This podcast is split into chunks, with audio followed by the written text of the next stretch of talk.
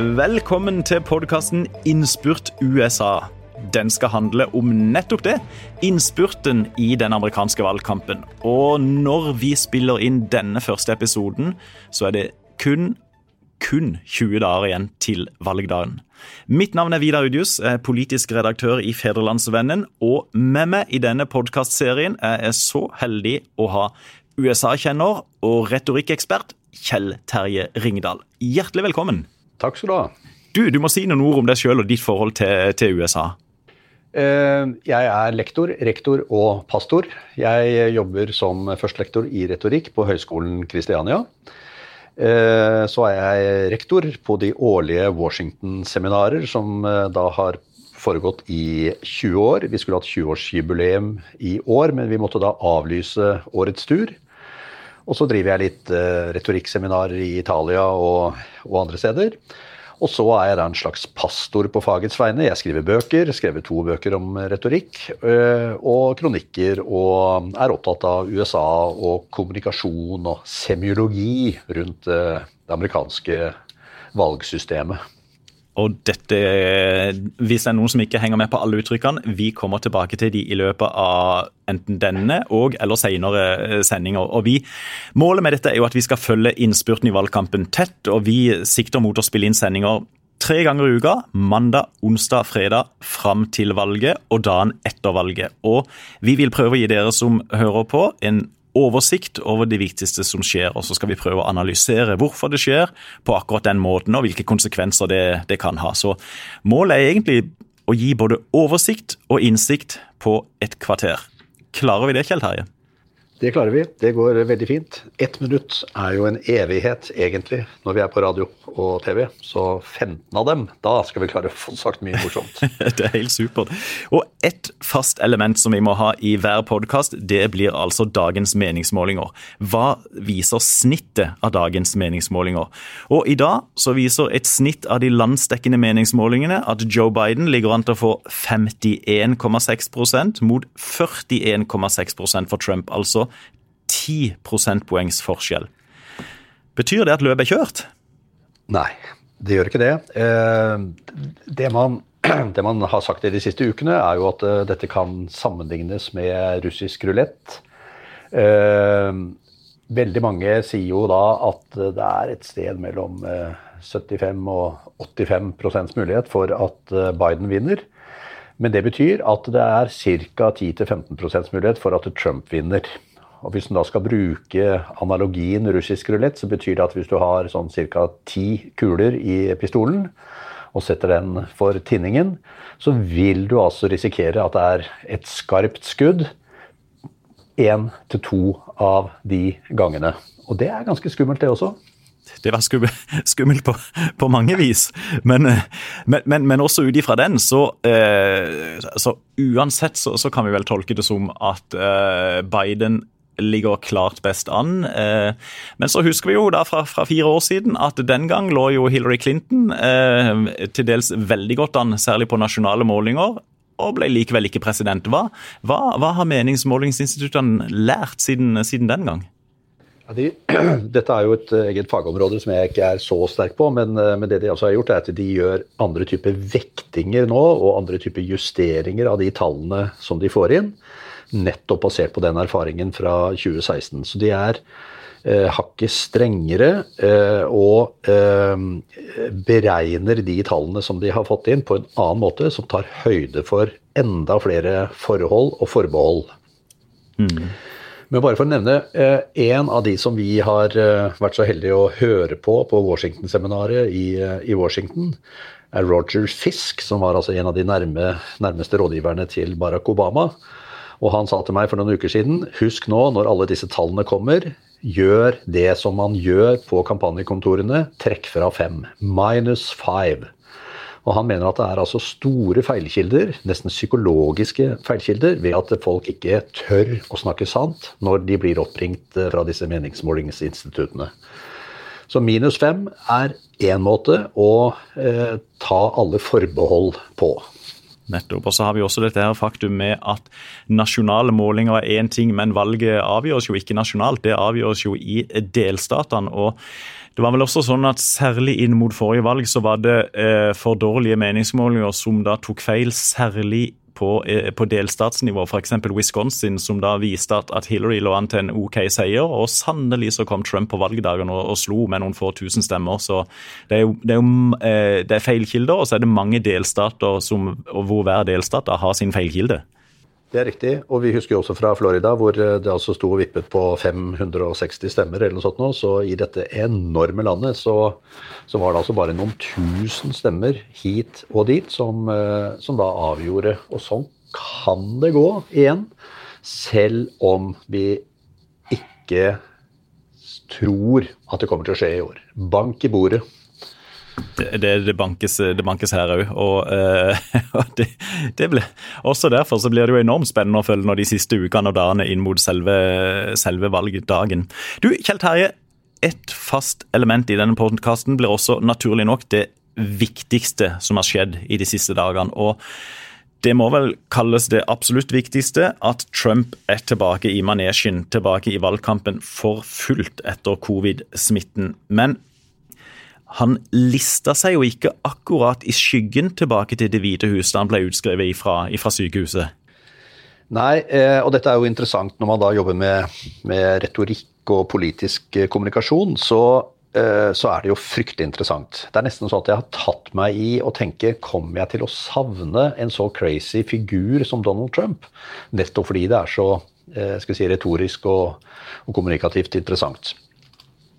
Og det vi ser med Trump, er jo at eh, for, eh, for en som jobber med, med, språk og politisk kommunikasjon og form og film osv., så, videre, så er jo dette en veldig spesiell figur. Vi har kanskje ikke sett en så eh, sær eh, politiker noen gang. Og når vi da f.eks. så hans retur tilbake igjen til sitt folk etter at han da hadde en, en liten touchdown inne på Walter Reed-sykehuset, så ser vi jo også en, en, person som har et veldig medialt bilde av seg selv. Altså han, han objektiviserer seg selv, og jeg tror han lever sitt liv gjennom kameralinsen. Han spør seg selv intuitivt hvordan vil jeg se ut nå? Hva, hva, betyr det å objektivisere seg sjøl?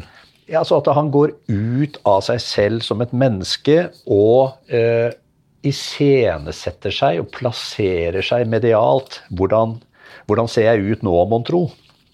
Hvordan, hvordan, kan jeg bli filmet slik at jeg ser best ut? Så han har jo eh, altså en veldig selvbevissthet. Og en stor narrativ, altså et, en historiefortelling om seg selv, som i dette tilfellet handlet om hvordan kan jeg bli den som holdt på å dø for mitt folk, men kom tilbake til mitt folk. Så det er en veldig stor fortelling og en veldig stor iscenesettelse som vi kan anta at han øh, hadde en veldig bevissthet om. Og, det, øh, og denne formen som han oppviser, er jo en mann som gjerne vil fortelle de store, episke historiene om seg selv. Han hadde jo, eh, Det blir jo nå fortalt at eh, han hadde en idé som egentlig er litt sånn rødmende flau. Han eh, spurte sine rådgivere hva om jeg går ut på balkongen for å holde en tale, og så river jeg opp skjorta mi, og innenfor skjorta så har jeg en Supermann-T-skjorte. Og det er jo sånn man tenker dette er jo et lite puteøyeblikk hvor man liksom rødmer bare av ideen. Men det sier altså litt om hvordan han da ønsket å iscenesette hele seg. Eh, når han da, proppfull av steroider, ville tilbake igjen til sitt folk, som hungret etter å få Donald Trump tilbake igjen. Men istedenfor Supermann-T-skjorta, så ble det da denne handlingen hvor han da tar av seg munnbindet og, eh, og står frem i all sin eh, styrke?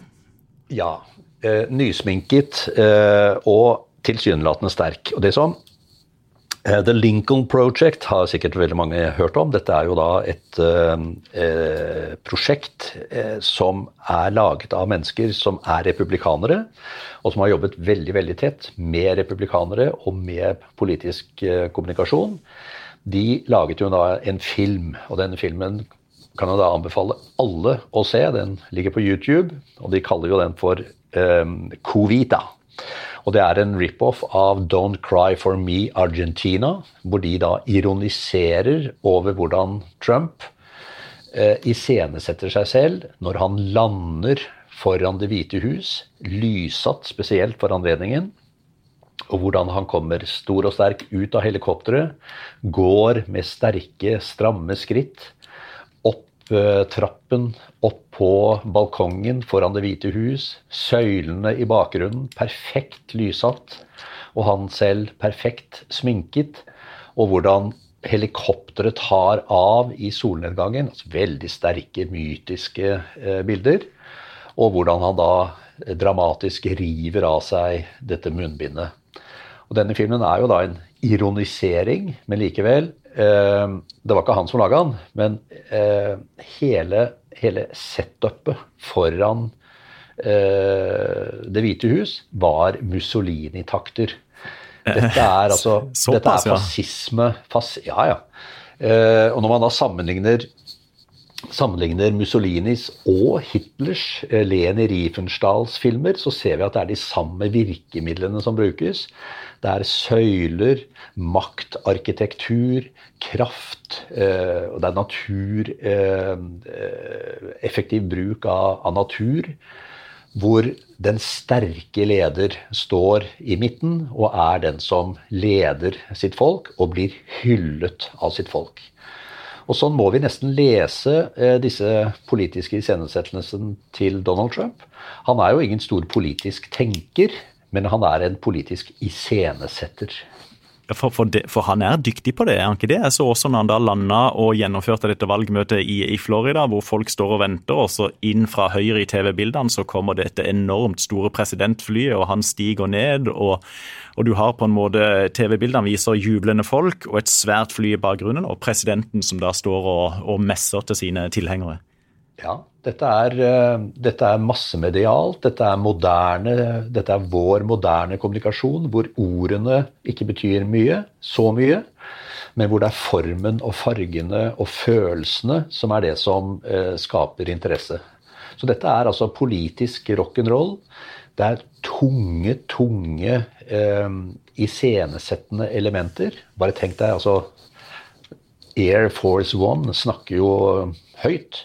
Og det å komme ut av Air Force One og møte jublende folkemasser er i eh, seg selv politisk argumentasjon, men det er ordløst. Mm, og, det, ja, og, det, ja, og dette er han jo dyktig til. Han er veldig dyktig. Eh, Det er jo skrevet en, eh, en doktoravhandling eh, om, om hvordan eh, nasjonalsosialistene i Tyskland på 30-tallet brukte dette her med store folkemasser eh, som politiske, altså subtile politiske argumenter. Eh, Og den gamle Håkon Lie, han sa jo til sine folk når det gjaldt å bygge opp Arbeiderpartiet, vi må skule til nasjonalsosialistene. Ikke politikken, men iscenesettelsene. Og det var jo en av grunnene til at Arbeiderpartiet på eh, 30-tallet og utover eh, brukte eh, Youngstorget som en eh, arena der de inviterte Lalla Karlsen og Leif Juster og datidens eh, store kjendiser for å synge og danse, for å samle folk. Fordi det å samle folk det, er, eh, det blir opplevd som styrke og som et politisk argument for suksess. Så Sånn sett så, så har både Arbeiderpartiet i Norge og eh, fascistene i Italia og nasjonalsosialistene i Tyskland brukt de samme virkemidlene. Folk som heier, folk som smiler, og den store, sterke leder som kommer og kaster glans over sitt folk. Ah, ganske interessant, Kjell Terje. Og eh, vi kommer tilbake til flere av disse virkemidlene også i uh, senere sendinger. Men vi skal holde oss uh, innenfor kvarteret. Kjell Terje og tida går jo fort. Men vi er tilbake allerede nå på fredag, og altså tre dager i uka fram til valget, så følg oss videre. Og så vil vi òg sette pris på om du som lytter abonnerer på podkasten, og gjerne gir han en stjerne eller fem på den appen som du bruker. Takk for nå. Takk til deg, Kjell Terje, og på gjenhør. Tusen takk.